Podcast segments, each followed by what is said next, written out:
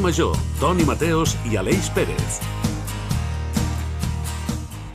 Hola, què tal? El llibre Guinness dels Rècords és un dels llibres més venuts cada any. L'editorial Planeta publica aquest anuari des del 1998, però cap edició ha estat igual a l'anterior. Van canviant els rècords, el format del llibre, etc. Ara que s'acosten dates com les de Sant Jordi, en poc més d'un mes, els hi parlarem del Cristian López, un jove de Toledo que és l'espanyol amb més rècords Guinness. Tot va començar en el seu afany per portar una vida saludable per combatre la diabetis que pateix. Des de llavors practica molt esport i no ha parat d'aconseguir rècords ben curiosos.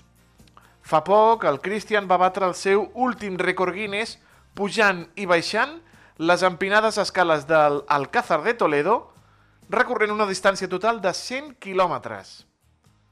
Amb més de 120 rècords Guinness, en Christian és l'espanyol amb més rècords de la història. Posseeix rècords mundials en curioses i variades disciplines com flexions sobre una ampolla de vidre, va fer 78 flexions en un minut, una en cada mà i dues als peus, i allà va començar a fer flexions. Uh, velocitat amb esclops, amb crosses, o també velocitat jugant a pales. També és el més ràpid del món dins d'un sac. En una cursa de sacs ningú guanya el Christian. I és el millor en equilibri amb barbeta de guitarra o bicicleta. O també té el rècord en córrer enrere o baixar escales marxa enrere entre moltes altres curioses marques mundials. Tu, Aleix Pérez, quin rècord Guinness creus que tindries o que aconseguiries? Bona tarda, Toni Mateus. Doncs crec que en tinc un que crec que ningú el pot, ningú el pot igualar, que és el nombre de vegades que m'han demanat que m'apugi el volum per la, la transmissió de carrer Major. Crec que en això sí que tinc el rècord. Mm, crec que sí, eh? Estem Sí, eh? allà, allà, tu i jo, però... Estem- Però, però, però estem a, Jo a sempre- punt, eh? Aleix, Sí, estàs baix, Aleix, no sé què. Jo crec que, jo crec que, que puja. soc, soc seriós opositor en aquest d'això, perquè a més et ve un jurat, no? Et ve una persona especialitzada, documentada i tot, a confirmar doncs, que a mi m'han demanat que em pugi el volum doncs, mm, centenars de vegades. Fantàstic, home, és un, és un bon rècord Guinness. Eh, després el Dani ho corroborarà. Nosaltres portem 1.221 programes. Alerta, Capicua. No és un rècord Guinness de programes de ràdio, però estem molt contents d'acompanyar-los cada tarda des de la nova ràdio de Reus, Ràdio La Selva del Camp, Ràdio Ciutat de Tarragona, Ràdio Montblanc, Ràdio Hospitalet de l'Infant, Altafulla Ràdio, Ona la Torre i Baix Camp Ràdio. El nostre tècnic, en Dani Sánchez, té el rècord Guinness de pujar i baixar canals de so i també de demanar-li a l'Eix que es pugi. I jo, Antoni Mateos, rècord Guinness de guapo i de mentides. Benvinguts a la ràdio, benvinguts a Carrer Major.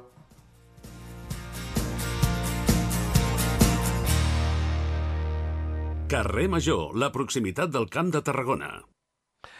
És dimecres, Aleix, i ja saps què toca els dimecres, estimat. Crec que sí, és hora de saber una mica de què anirà el podcast de veïns d'aquesta setmana, no, Toni Mateus? Sí senyor, eh, perquè amics i amigues de Carrer Major ja està disponible un nou capítol del podcast de, del podcast de veïns amb el company de Ràdio Ciutat de Tarragona, l'Adrià Requesens. Aquesta setmana ens porta a conèixer una protagonista que sovint està envoltada de nens. És mestra, conta contes i eh, és un actiu de personatges històrics. Aquestes pistes us faran saber qui és? Descobrim-ho amb el podcast de veïns.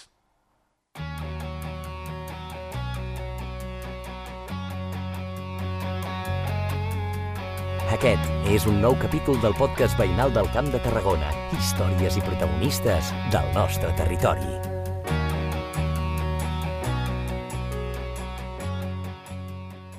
Teatre, contes, escola, personatges, infants...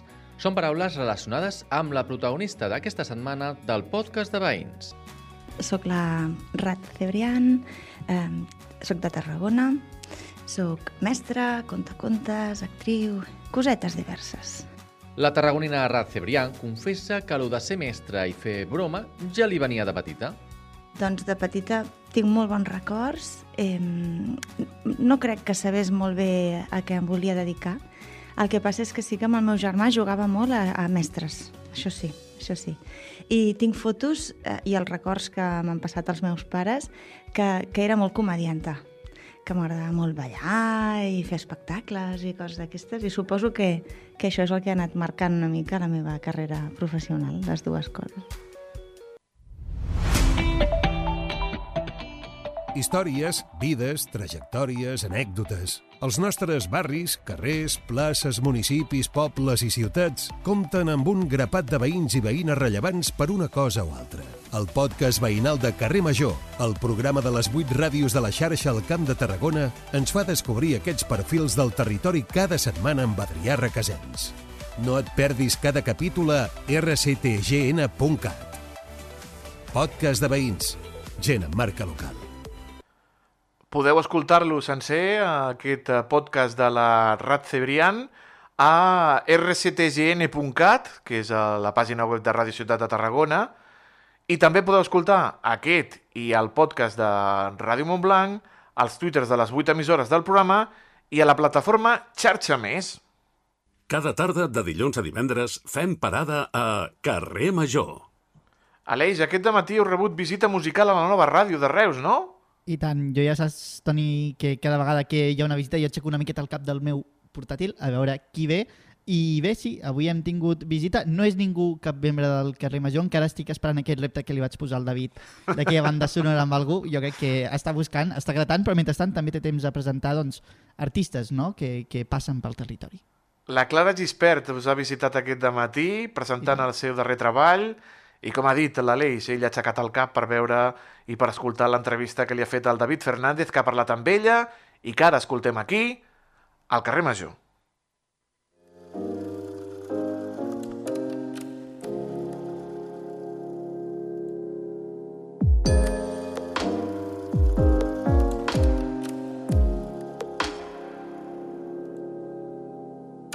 ¿Cómo vas a entender mi dolor si no puedo hablar? Si mi voz es un eco en mi alma. Lo siento tan adentro que no encuentro forma de buscarlo. Y me pierdo entre cientos de silencios que siempre he callado como un grito hacia adentro.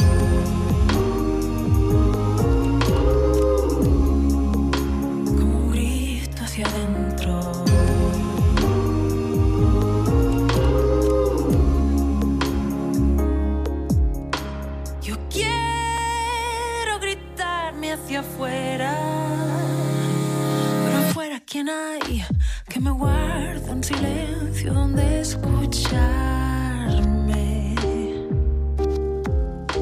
¿Y quién me dice quién se calla más? ¿Quién calla o quién no sabe preguntar? Y en este ruido sordo en que vivimos oigo toda la ciudad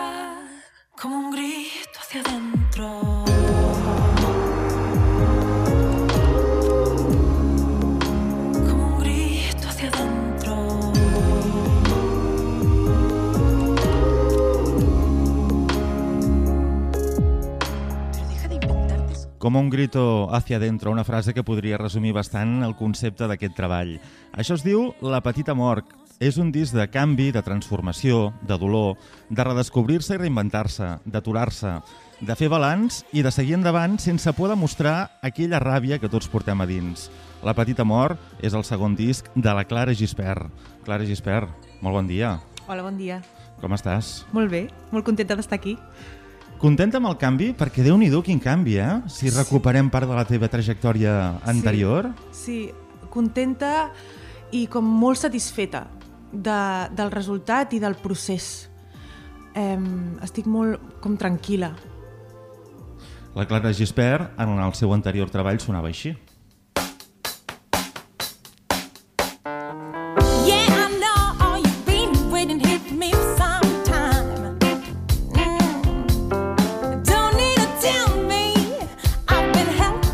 Ara, en aquest nou disc, sona així.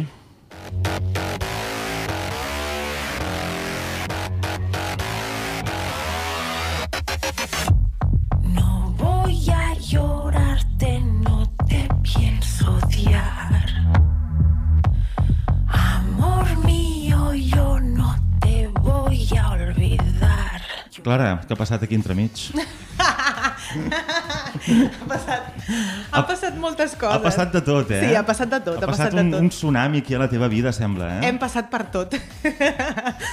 em, soc jo mateixa en les dues versions. Aquesta és la- l'única realitat. Em, ha passat de tot, David. No sé, què, no, és que no sé ni com començar. Jo crec que és un exemple bastant, bastant fidel no? que eh, aquesta comparació és com, uau, vale. Eh, sí, el, el disc anterior era tot orgànic, aquest és tot electrònic, eh, és més pop, té un missatge com molt més directe, a part eh, amb, el, amb el, el meu, la meva llengua materna, que és el català i el castellà.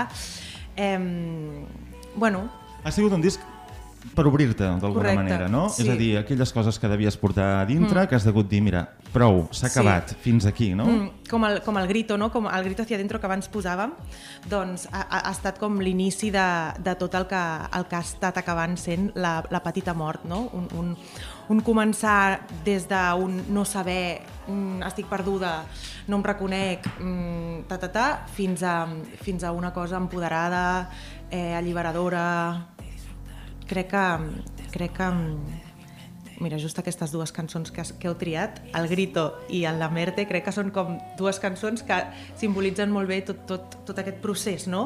De cridar-te cap endintre i després tenir forces per realment cridar-ho cap en fora. Mhm. Això és la part més complicada, tenir forces per mostrar-ho, eh? Mhm. És a dir, no quedar-se a dintre, no?, aquesta etapa vital plena de canvis, sinó Mm. que exterioritzar-la, treure-la, treure-la tota aquesta ràbia i projectar-la cap en fora. Suposo Sí. que d'aquí parteix aquestes noves cançons, no? Sí, exacte. I també ha estat un procés personal, però en realitat després parles amb la gent i és un procés totalment compartit. Vull dir, qui més qui menys en algun moment de la vida ha passat per, per un moment així, no? De d'estar perdut, de no saber, de voler dir coses i quedar-te-les a dintre perquè, ai, no, no ho diré, perquè jo no... En fi, mil coses. Bueno, aquestes crisis generacionals que tots tenim, no? Correcte. Això que ens analitzem, ens auto, no? ens posem al mirall davant. Sí. I, Sí, sí, sí. A vegades ens surten coses que ens agraden, a vegades coses que no ens agraden tant. Sí, realment, perquè moltes... O sigui, el que, el que a mi em va passar i que, és totalment compartit també, és que jo mirava al mirall i la persona que veia era la meva pitjor enemiga. O sigui, la, per- la persona que jo veia allà davant del mirall era horrible! O sigui, mai ningú m'havia parlat tan malament com aquella persona que jo veia allà, allà davant, saps? Llavors, bueno, trencar amb tot això és un procés, no és, vale, he fet aquest disc, he trencat amb tot això i estic lliure. No, és mentida. Vull dir, és un camí i un procés, però, però bueno, plantar- plantar-li cara a això Adonar-se'n és el primer pas, Sí. sens dubte. i plantar-li cara és de valentes. I això, clar, tot aquest moment vital, quan decideixes o quan te'n dones compte que surt en forma de cançons? Que això, saps, aquestes inquietuds tenen forma, no? S'estan materialitzant en forma de peces, d'obres d'art, que Mm. són les que hi ha en aquest disc. Sí, no sé, va sortir com una espècie de vomitera, també. Va ser com la primera cançó que vam, vam composar va ser El grito hacia dentro i a partir d'aquí va començar a néixer tot, tota una sèrie de, de, de, de coses i pensaments i sentiments que, que, que fan, fan, fan el que és la petita mort. Uh -huh. A nivell musical, clar, el canvi, la gent ho ha pogut comprovar, és evident. Uh -huh. uh, no sé si vas fer sola aquest canvi, et vas rodejar de gent, i per què vas decidir tirar cap a aquest camí musical? Perquè en podies haver tirat cap a d'altres, no? Sí. Jo sabia que, que amb el tema del jazz, el blues i tal, eh, no volia seguir, no em venia de gust. És algo que he fet durant molts anys i, i em venia de gust investigar i, i provar coses noves. El, tant el primer disc com aquest segon l'he produït, de fet, el 50% de- d'aquest projecte, o sigui, jo sóc la cara visible, però l'altre 50% és el Manuel de Bové, que és compositor, pianista, lletrista, cantant, amb el, que, amb el que hem fet tant la producció com la composició, com la música, tot, tot plegat, les lletres, tot plegat, ho hem fet entre, entre les dues i, i bueno, ha estat un procés dur perquè sempre, quan tu fas les coses sola, pues, acarreas con, con lo que viene, no? Però al C2 hi han dues opinions i són dues opinions que et puc assegurar que són fortes. Aleshores, hi ha, hagut, hi ha hagut ajustos i reajustos que hem hagut d'anar trampejant, però, però crec que el resultat no podria haver estat millor. Jo estic molt, molt orgullosa i molt tranquil·la, el que deia al principi, de, de tot el que, el que ha acabat sent i, i això, com, com tenir la valentia de, de dir, vinga, jo puc, puc intentar ser la cosa que vulgui, no? Puc intentar ser la, la persona que, que, que, que em vingui de gust. Ara, doncs, em ve de gust això? Doncs vinga, va, a fondo amb això. I això ha sigut una mica el que ha passat. I deu ser la, també la primera sorpresa, no?, de musicalment com respira tot. Mm, sí, sí, sí, sí. Ben bé que... No, nosaltres no ens plan... volíem fer un canvi, volíem apropar-nos com més al pop actual, però, però, però no en sabíem. És que no en sabíem i, i ho hem produït nosaltres a casa, eh, de manera que, que hem anat com agafant coses de manera intuïtiva, aprenent d'altres i aquesta barreja crec que, crec que és el, el, que ha fet que, que sigui com interessant, u, u, sorprenent, com una mica únic, no? Barrejar, barrejar eh, inconsciència amb no saber a vegades però amb moltes ganes d'aprendre, crec que, que fa un còctel molt, molt interessant. Sí, és com surten millor les coses a vegades, eh? No ho sé. Aquest punt d'inconsciència, no?, que et fa tirar endavant. Sí, sí. A vegades les coses sense pensar, no sé, sense pensar-te-les tantes vegades és com, vinga, va, tira cap endavant, tira, tira, tira.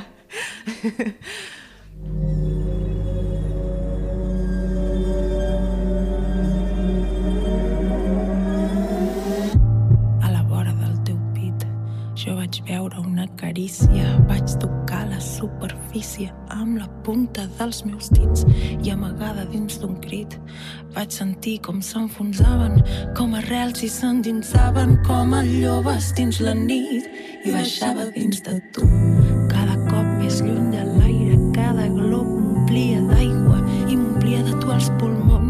i visc en aquell segon. No tinc més alena al bull, ofegada en els teus ulls, somrient caic fins al fons.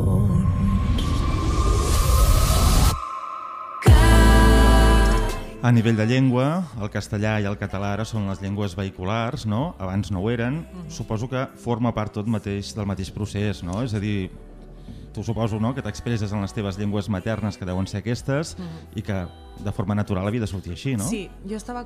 Sempre he escoltat més música americana i anglesa que, que la música d'aquí. Ha estat una realitat, vull dir, eh, no, no, puc, no puc mentir, ha sigut així. Eh, aleshores, el primer disc va ser com un procés de dir, bueno, el que jo sempre he mamat una mica, doncs anem a, anem a transformar-ho en algo que passi per mi. I en aquest segon ha estat de... O sigui, jo he d'explicar això que m'està passant a mi amb la meva llengua. És que no hi havia debat. Clar. No hi havia debat. Aquesta, aquesta ha estat la realitat. Era com, bueno, és que jo no puc explicar això en anglès.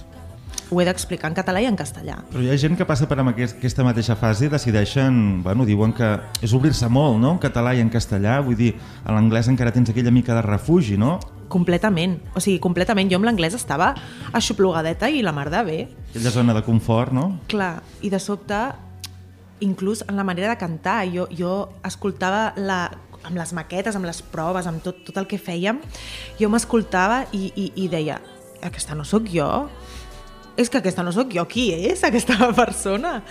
I, i sembla mentida, però cantar, cantar amb, o sigui, la, la, la, la meva veu canvia quan canto en anglès, són petits matisos, eh, que des de fora potser són imperceptibles, No, però no, no, jo no, es nota, es nota. els, els sento molt. Potser has guanyat més un to propi, no? Sí, no sé, a, a mi em dóna la sensació que, que, que hi ha com més, més veritat, inclús en el primer disc eh, hi havia coses a nivell de tècnica vocal que eren, vale, sí, això és tècnica vocal i fin. En aquesta, pues, és com més, tot més parlat, més recitat. Les lletres també donen peu a que sigui tot més, més, més parlat i més, més de veritat, una mica. I la gent que t'envolta què ha dit? Ha degut dir, caram, quin canvi, Clara, no? Mira, la gent que m'envolta, la veritat, jo estava cagada, perdoneu per la paraula, però estava molt, molt, tenia molta por perquè deia, ostres, eh, realment és que és molt diferent i, i, i a veure com s'ho prendrà la gent. I mm, la gent ha respost d'una manera preciosa, Clara, m'encanta el canvi, eh, es, o sigui, però hi ha, hi ha com una, un, una pàtina de, de la teva essència que és, que és com superinteressant. Clar que sí, investiga, o sigui, endavant.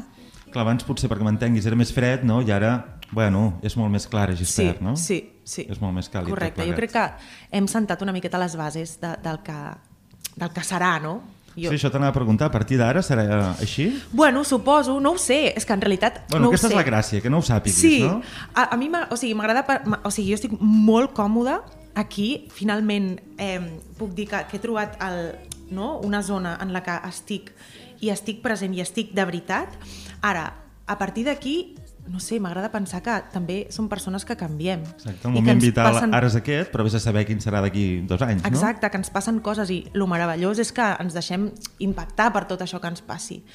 No ho sé, no ho sé. A veure, no crec que em posi a fer, no sé, eh, no crec que em posi a fer un estil, un estil completament diferent, serà, serà això, però bueno, dintre d'això, investigar, provar, aprendre... Vull dir, segur que, que anem sorprenent. I en directe deu ser tot un repte també per tu això.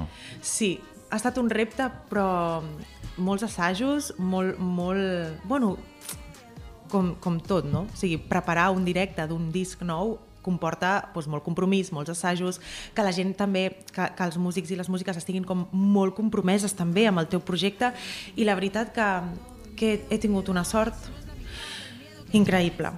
Em conto amb, amb el Dani Martí, que està, està a la bateria, l'Eva Verde, que és una cantant espectacular que fa veus i toca l'octapat, el Manuel de Bove, que comentàvem abans, que fa, està la veu, al piano i a les seqüències, i, mm, i anem amb, amb bateria, dos octapats, que és com parlant ràpid i molt malament, és com un... Ara ho faré, ho faré fatal. Un quadrat qui m'escolta, si algú Sí, sí, sí. i m'escolta dir això, em penja. eh, és com una, una bateria electrònica, com Electrònica, si diguéssim. exacte, sí. Parlant molt malament, eh? Sí, sí, ha- sí. Vale. Eh, perquè necessitàvem com molta contundència Clar, a dalt de l'escenari. I, I vam fer la primera presentació al, al gener, a Olot, i la resposta també va ser molt, molt xula.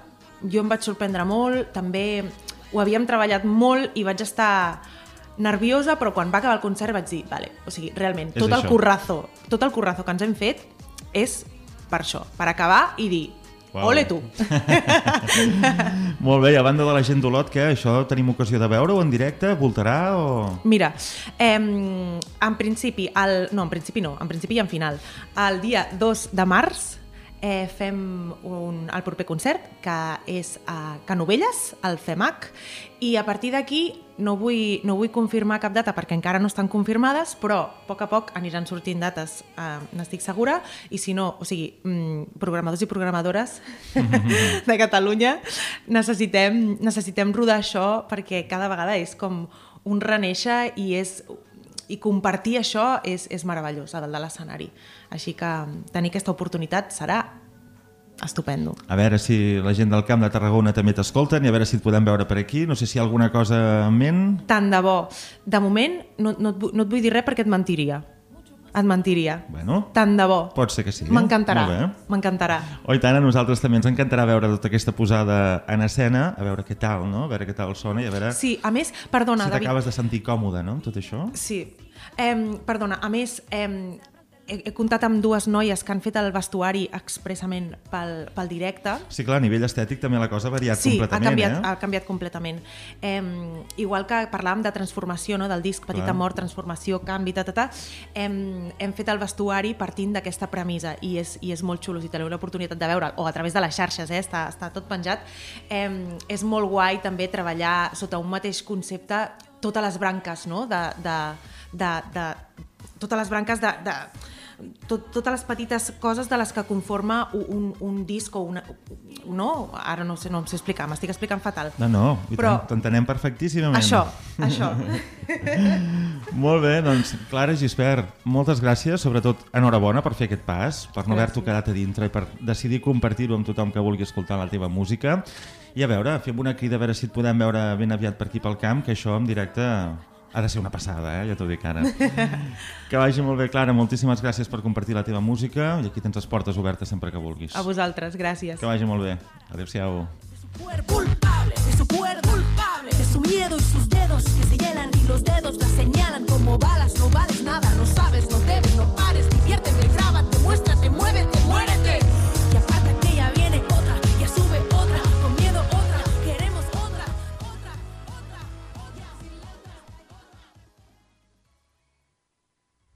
Carrer Major, la proximitat del Camp de Tarragona.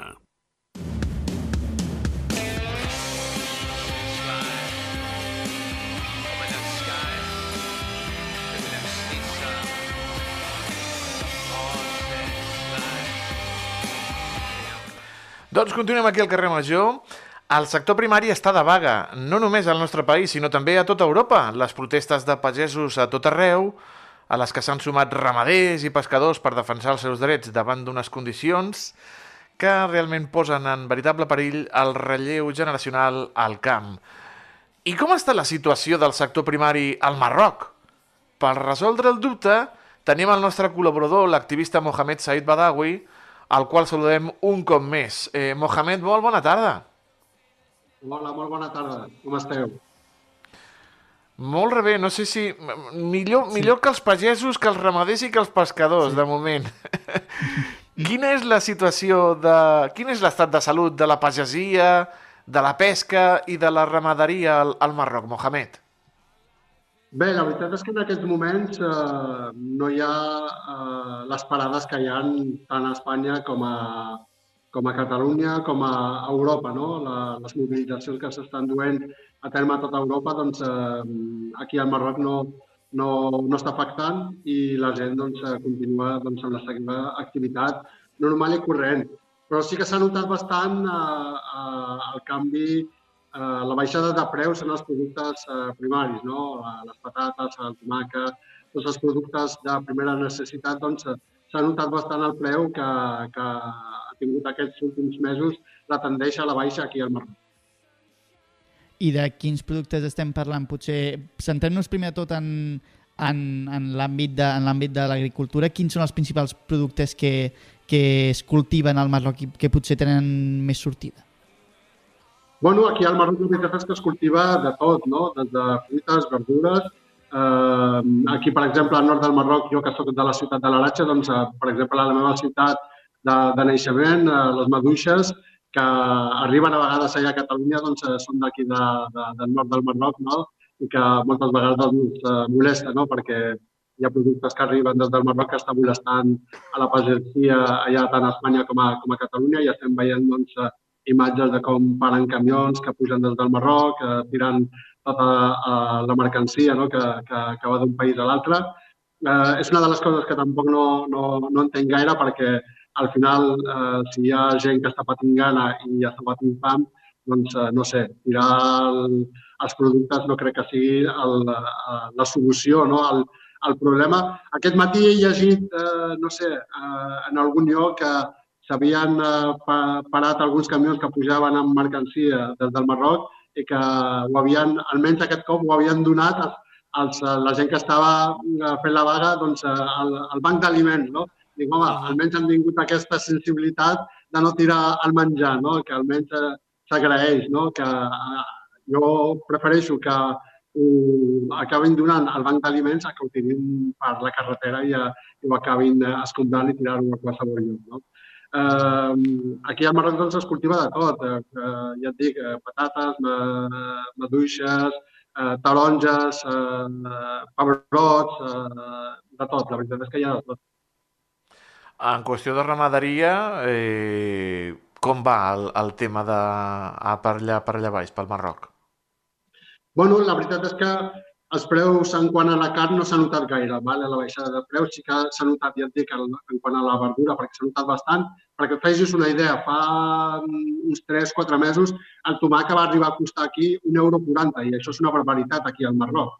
Eh, ara mateix està costant 60 cèntims, o sigui, perquè vegis la baixada de preu en, en aquests mesos. Les patates van arribar a costar 1,20 euro, 1,30 euro i ara mateix estan a 40 cèntims, o sigui, la baixada de preu ha sigut bastant bona pel, pel, per les persones que vivim el dia a dia no? de, de, de menjar les fruites i verdures. Però en quant a la carn no s'ha notat el, el preu a la baixada i que segueix a, a la mateixa línia, no? ni, ni puja ni baixa. Sí que eh, nosaltres aquí al Marroc eh, potser ho notem més el tema del preu de, del xai, per exemple, quan arriba la festa del xai, no? que tothom doncs, vol comprar el seu xai, doncs allà doncs, sí que la gent parla molt sobre l'increment de preus o la baixada de preus, però en aquests moments que sí que no es parla gaire del, de, de, del preu. Uh -huh. Aquí fa, fa temps que la, a 60 cèntims el quilo tomàquet fa temps que no, que no, no el veiem, no el veiem. I la pesca, eh, sou el primer productor de l'Àfrica i també sou el líder mundial al Marroc de la pesca de la sardina.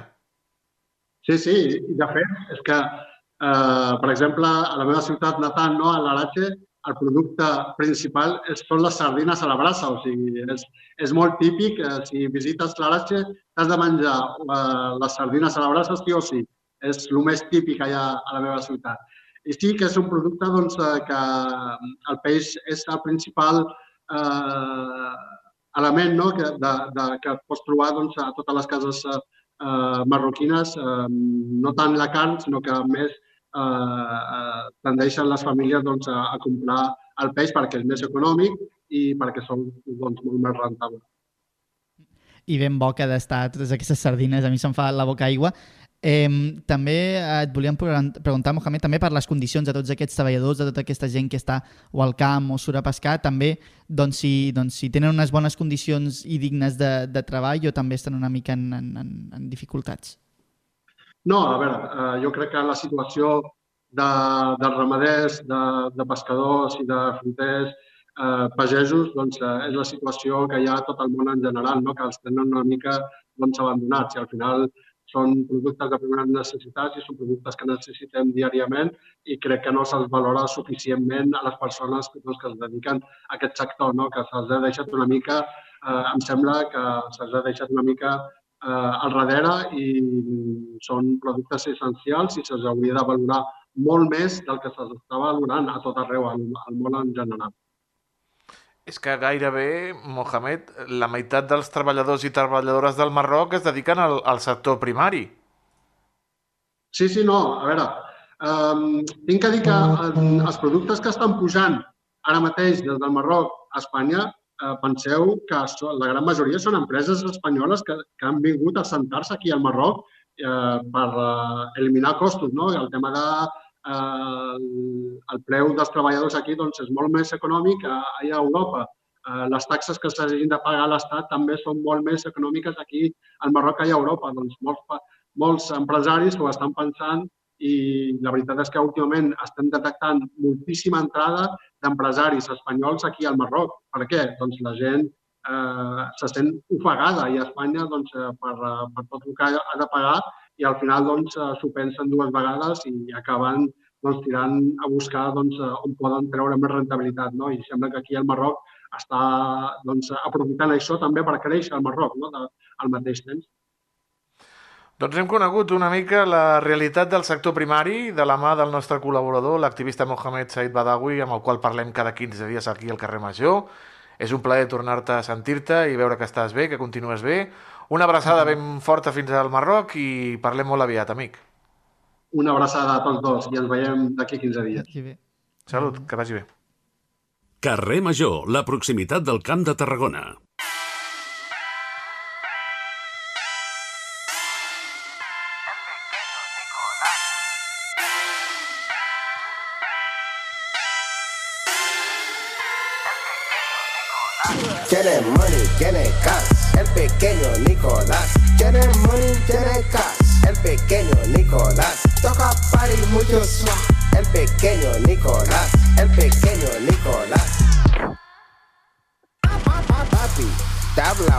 WhatsApp. ¿Qué te pasa? Te espero aquí abajo de mi casa. Lori Moni, president de la Sí. Generalitat de Catalunya. És el millor artista del país? Jo dic que sí. És el millor... Bueno, està a Liz, està allà, allà, i... Sí. I, l'Antoni- Martín. Independent, independent. I Dani Martín, diu l'Antoni Bellado. Antonio, com estàs? Bé, bé, espectacular, com sempre. Mira, parlant de paraules que m'agradaven molt, que vam parlar l'altre dia, espectacular. Sí, sí, ja Sempre l'utilitzo. Sempre l'utilitzes. Tot bé? Sí, molta feina, Va, bueno. però és bo tenir feina. Mira, senyal que en tenim. I tant, i tant. Doncs avui als Tonis, estimat Aleix, parlarem de El Pequeño Nicolás. Puja altre la que també té música, puja la feina, música, no? Dani. Tiene gas, toca país, mucho son, mucho son. El pequeño Nicolás. Aquests dies hi ha una novetat a la plataforma Netflix. Una de les que ens ha cridat molt l'atenció és uh, Pícaro, la producció on es repassa què va fer el pequeño Francisco Nicolás Gómez Iglesias, és a dir, el pequeño Nicolás. I com va passar d'estar en els cercles més poderosos del país a ser condemnat a presó. Sí, el petit Nicolàs és, sens dubte, personatge pintoresc, no? que ha Sí. omplert jutjats, redaccions, televisions, ràdios, revistes i en general mitjans de comunicació. Tots van parlar enganxats per una mescla entre curiositat i incredulitat d'aquest personatge. Personatge. Tots van caure al fenomen que va provocar la seva història, que ara es repassa a Netflix. Nascut a Madrid el 18 d'abril del 1994. Eh, aviat farà 30 anys ja, el pequeño Nicolás. Sí. Ja no serà tan petit. L'ascens del petit Nicolás va ser vertiginós i ha implicat tota classe d'enganys, suplantacions i escàndols diversos que han culminat en causes judicials, arrestos i condemnes. Una sèrie de catastròfiques successions que ja formen part de la nostra cultura popular, la més cutre i la més xabacana. Si encara es fes Torrente, Toni, jo me l'imagino, eh? Per, protagonitzant alguna pel·lícula del Santiago I tant, Segura. sortint de, per, per allà, fent, fent d'ell mateix. Exacte. Encara que gran part d'aquest relat s'abordi a la sèrie documental, potser sí que és necessari recordar d'on va sortir aquest personatge Ah. i com el seu afany de protagonisme li va portar a tractar-se amb els grans noms de la política espanyola i a passar també desapercebut en els majors cercles de poder del nostre país. La seva història és una de les més sorprenents que han tingut lloc a Espanya en els últims anys. Tot comença a Madrid, amb un jove Francisco Nicolás que des de molt petit sempre es va sentir atret per l'opulència. Ja jugava a ser espia i milionari quan era un nen, Vaja. en lloc de jugar a pilota sí. o a... És que ja... Però, però ell ja jugava a ser espia i a ser milionari. No Nicolás... Sí, pobret, sí, pobret, sobretot pobret. Nicolás era estudiant de dret, carrera a la qual va accedir l'any 2012 gràcies a que un amic va fer per ell la selectivitat falsificant el seu DNI. Ai! Ja comença a veure's la cosa una mica estranyeta, eh? Els seus mètodes per estar als cercles de poder eren molt calculats i de forma molt astuta va estafar desenes de persones. Els hi prometia lucratives oportunitats de negoci a través de suposats contactes que ell tenia en l'administració pública i el govern espanyol. Va enredar, amb aquest mètode, a polítics, Sí. empresaris, Sí. famosos, Sí. fills de milionaris i tot pel seu benefici. Què va fer amb tot això? Doncs va llogar cotxes de luxe, va contractar guardaespatlles personals per reforçar la seva identitat i també, sobretot, el seu narcisisme i un llarg etc. Sí, va aconseguir fer el que semblava impossible. Infiltrar-se en els nivells més importants i més alts del poder espanyol. Tractar-se amb persones del govern d'aquell moment. Fotos amb Aznar, amb Esperanza, amb el secretari de Comerç, amb Soraya... I fins i tot va fer passar-se per membre del CNI, del Centre Nacional d'Intel·ligència. Mare meva. La barra que tenia i la poca vergonya li permetria també assistir a esdeveniments del perfil, com per exemple la coronació del rei Felip VI. Ai! Mare meva. Tot aquest relat d'ambició doncs, havia de tocar sostre i havia de caure també perquè no s'aguantava per enlloc. I tot això va caure l'octubre de 2014, farà ja gairebé 10 anys, eh? Sí. quan el protagonista d'aquesta història va ser detingut per la Policia Nacional acusat de falsificació, frau i suplantació d'identitat. Malgrat ser posat en llibertat sota fiança poc després, aquest arrest seria el començament dels seus problemes legals. El protagonista del cas afirma en entrevistes que treballava pel Servei Secret Espanyol, per la família real espanyola i per la vicepresidència del govern espanyol, amb la Soraya Sáenz de Santa Maria al capdavant. I fins i tot va arribar a dir que tenia un paper com a president d'organització juvenil del Partit Popular i també en el cas dels Pujol, per salvar Catalunya. Mare meva. A poc a poc la situació va escalant i els seus problemes legals van augmentar i al febrer del 2015 va tornar a ser arrestat, aquesta vegada per no pagar la seva part de factura d'un restaurant. Ojo, eh? Un simpa. Sí, sí, va fer un simpa en tota regla.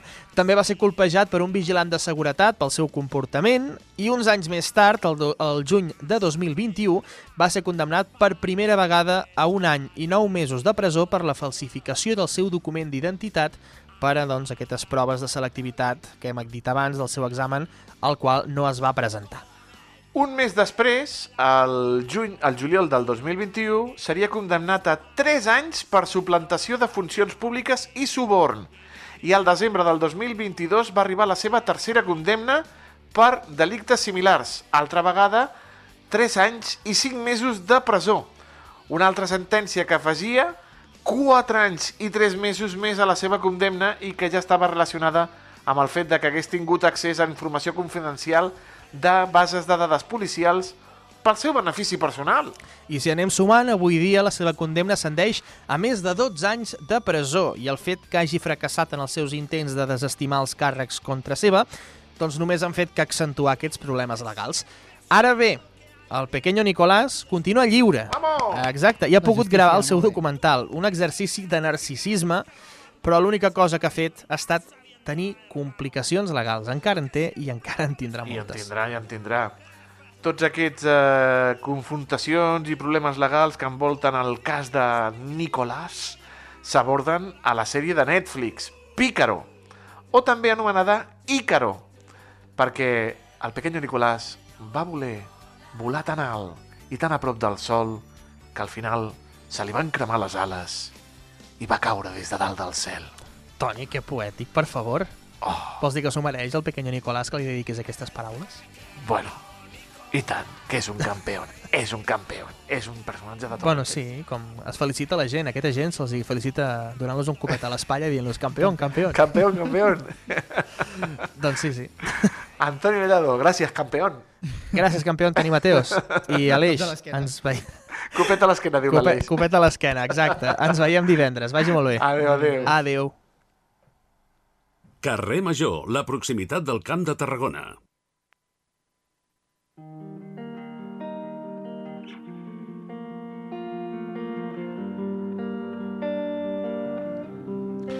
I després dels Tonis, Oh. continuem amb més banda sonora, continuem amb més música d'Estimat Aleix. Qui ens porta la música cada dia?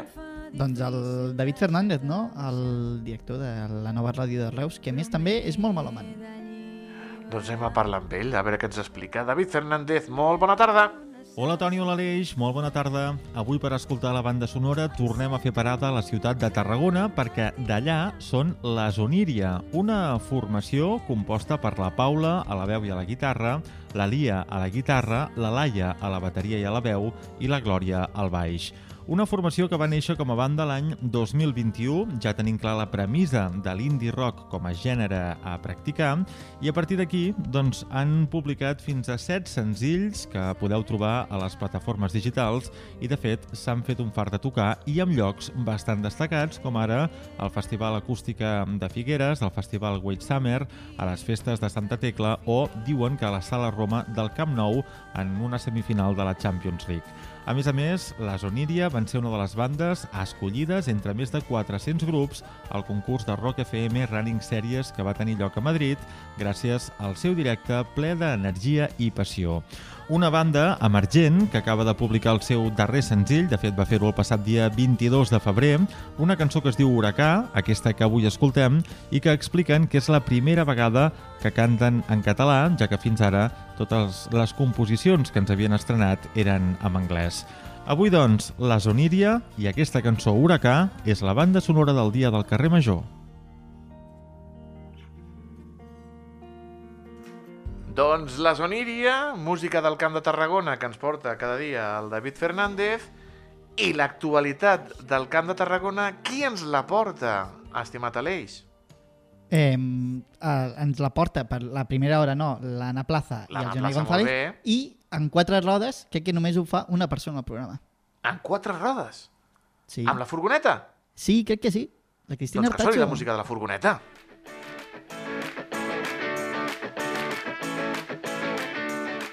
Avui la tenim en directe, a la Cristina Artacho, eh, eh, parlant del 8M i esperem saludar-la, a veure si està ja connectada.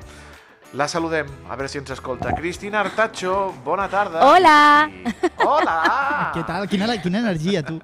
Avui no tinc quatre rodes, eh? Avui estic asseguda en un banquet aquí a la Via de l'Imperi, però perquè necessitem una mica de tranquil·litat per explicar bé tot aquest tema del 8M, que el primer que diré és que el 8M és un dia, però la lluita feminista i les reivindicacions són tots els dies. M'acompanya aquí al costat la Mary, que és una de les membres de la plataforma 8M del Camp, que és una una plataforma precisament no, que aglutina moltíssimes entitats feministes del territori i que just coincidint amb aquest dia, també amb el dia de la violència masclista, el 25ena, també s'ajunten no, per donar un impuls a aquestes reivindicacions que, com dèiem, són cada dia. Mary, quins actes ens esperen per aquest 8 de març que coincidirà amb el proper divendres?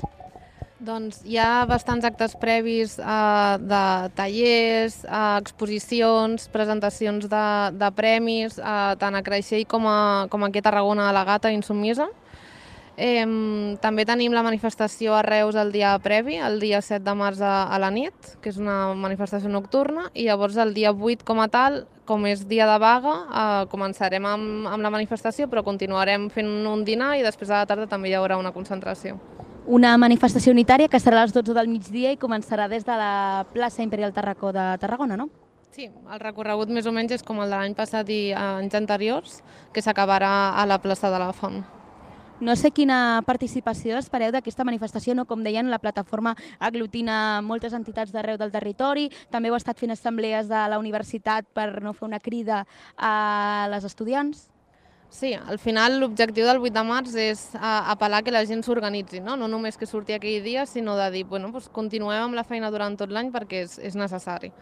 Llavors, um, uh, quina, què, què, esperem? Doncs més o menys com l'any passat, no? Vull dir, eh, no, no estem parlant de manifestacions multitudinàries com les del 2018, sabem perfectament en quin moment estem en la conjuntura política i, i com a moviment, per tant estem esperant això, de, de, de després de la pandèmia, doncs aquests mateixos números. És el 8 el dia per donar veu encara més a unes reivindicacions que les entitats us encarregueu d'allargar durant tot l'any? És un dia que bueno, té el seu propi altaveu no? mediàtic, eh, que truquen a les ràdios, com ara, eh, que el, els ajuntaments fan, fan parlaments, no? vull dir que al final és que l'altaveu que té el dia històric, que al final és el 8 de març, el dia de la dona treballadora, eh, saber d'on prové aquest dia, de que eh, la internacional eh, d'Europa va, va dir necessitem un dia per reivindicar que les dones treballadores eh, necessiten apel·lar pels seus drets, eh, doncs que no ens borrin no? tota aquesta història, que no diguin que és el dia de la dona i és el dia de pintar-nos la cara de lila. Justament és eh, donar-li aquest contingut a aquest dia. Necessitem encara aquest dia, per desgràcia. No? Sobretot és, és aquesta la, la, la informació no? de, del, del dia, de dir sortim avui, però demà continuem i, i els 365 dies de l'any és, és 8 de març. Com dius, tenim aquest dia no, de, de focus mediàtic, si bé és cert també que els últims anys per sort també hem fet diferents avenços. No sé ara per ara, des dels col·lectius feministes, quines creieu que són les prioritats? Què és allò que, que mereix la lluita en el número 1 no, de la llista? Bueno, um, com sabem, depenent de, de qui li preguntis, doncs tindrà un focus o un altre. No? Vull dir, jo com a persona mm, no racialitzada que treballa i que he estudiat a la universitat, doncs tindré un, un tipus de desigualtats, però al final intentem ser un altaveu de, de tot tipus de, de lluites. No? Vull dir, eh, no només lluitar per, per els nostres eh, eh, objectius personals, sinó que l'enfoc és com a una unitat de classe i, i una unitat de persones que al final volen un món millor. Clar, perquè el feminisme final és un moviment no, que aglutina la meitat de la, de la societat i necessitem també a l'altra meitat de la societat que des de fora del focus també ens doni aquest suport. No? Quina importància o com li doneu prioritat no? a que el feminisme inclogui també a les persones racialitzades, inclogui també a les persones trans, que potser són dos col·lectius que sovint s'obliden. Clar, som conscients que al final les persones que podem militar, que podem dedicar totes aquestes hores, pues, segurament no tenim pues, això, unes condicions precàries, tenim un lloc on dormir a casa quan, quan tornem de l'assemblea. Llavors, eh, sempre intentem apel·lar, pues, això, anem a parlar amb el sindicat d'habitatge, anem a, a, a primera fila de, de, de totes aquelles organitzacions que veiem que, que també hi ha dones i, i que puguin formar part d'aquest dia, encara que no puguin fer-ho de, de materialment, eh, formar part de l'organització perquè no els hi dona més la vida. No? Igual que, que el que dèiem, de, aquest 8 de març és dia de vaga, la vaga la poden fer un tipus de persones, no? No tothom pot fer vaga. Llavors, justament estem lluitant perquè, per, per això, per evitar aquesta pre, um, eh, precarització de les dones en el món laboral, perquè moltes d'elles mm, o no treballaran, potser, o no podran dir-li al seu jefe que avui no venen a treballar, vull dir que, que per això la, la mirada és molt àmplia és, és no enfocada cap a, cap, al, cap, al, cap a nosaltres, sinó intentant desgranar els tipus de privilegis en els quals vivim en el món en el que estem i llavors lluitar per això. No?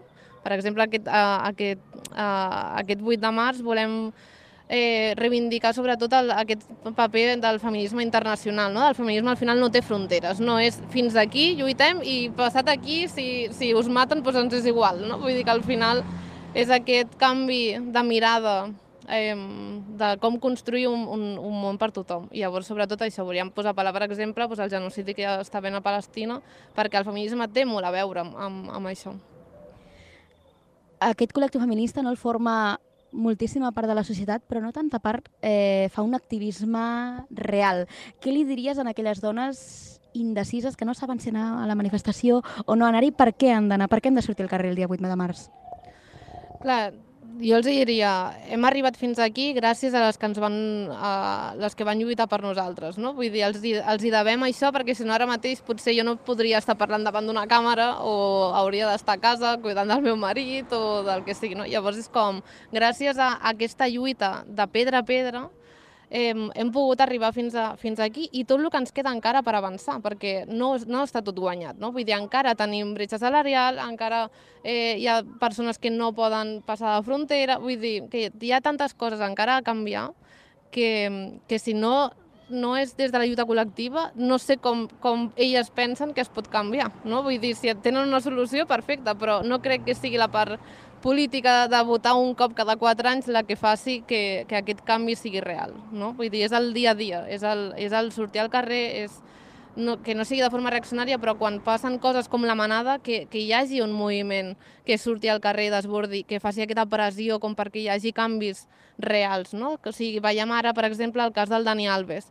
Aquest canvi de paradigma en el sistema judicial ha sigut gràcies a que la gent va sortir al carrer amb tot lo de la manada.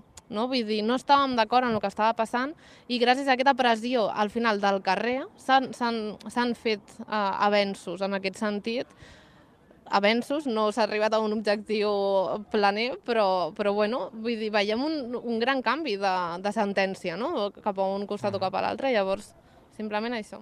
Doncs això, la lluita feminista que continua, el 8M en posarem al focus, però és tots els dies. Moltíssimes gràcies a la Meri de la plataforma 8M del Camp i ens veurem a la propera furgó. Adeu! Gràcies, Cristina. Uh, disfruta d'aquesta tarda tan fantàstica uh, al costat de la Meri. I nosaltres, eh, Aleix, eh, hem disfrutat d'aquest programa, el sí, 1221, que ja ha arribat al seu final, i demà més, demà més, oi? I tant, i tant. Aquí a les 4 tornarem a estar donant una miqueta de guerra. I tant. Gràcies, Aleix. Igualment. Que vagi molt bé. Ens retrobem demà. Fins demà.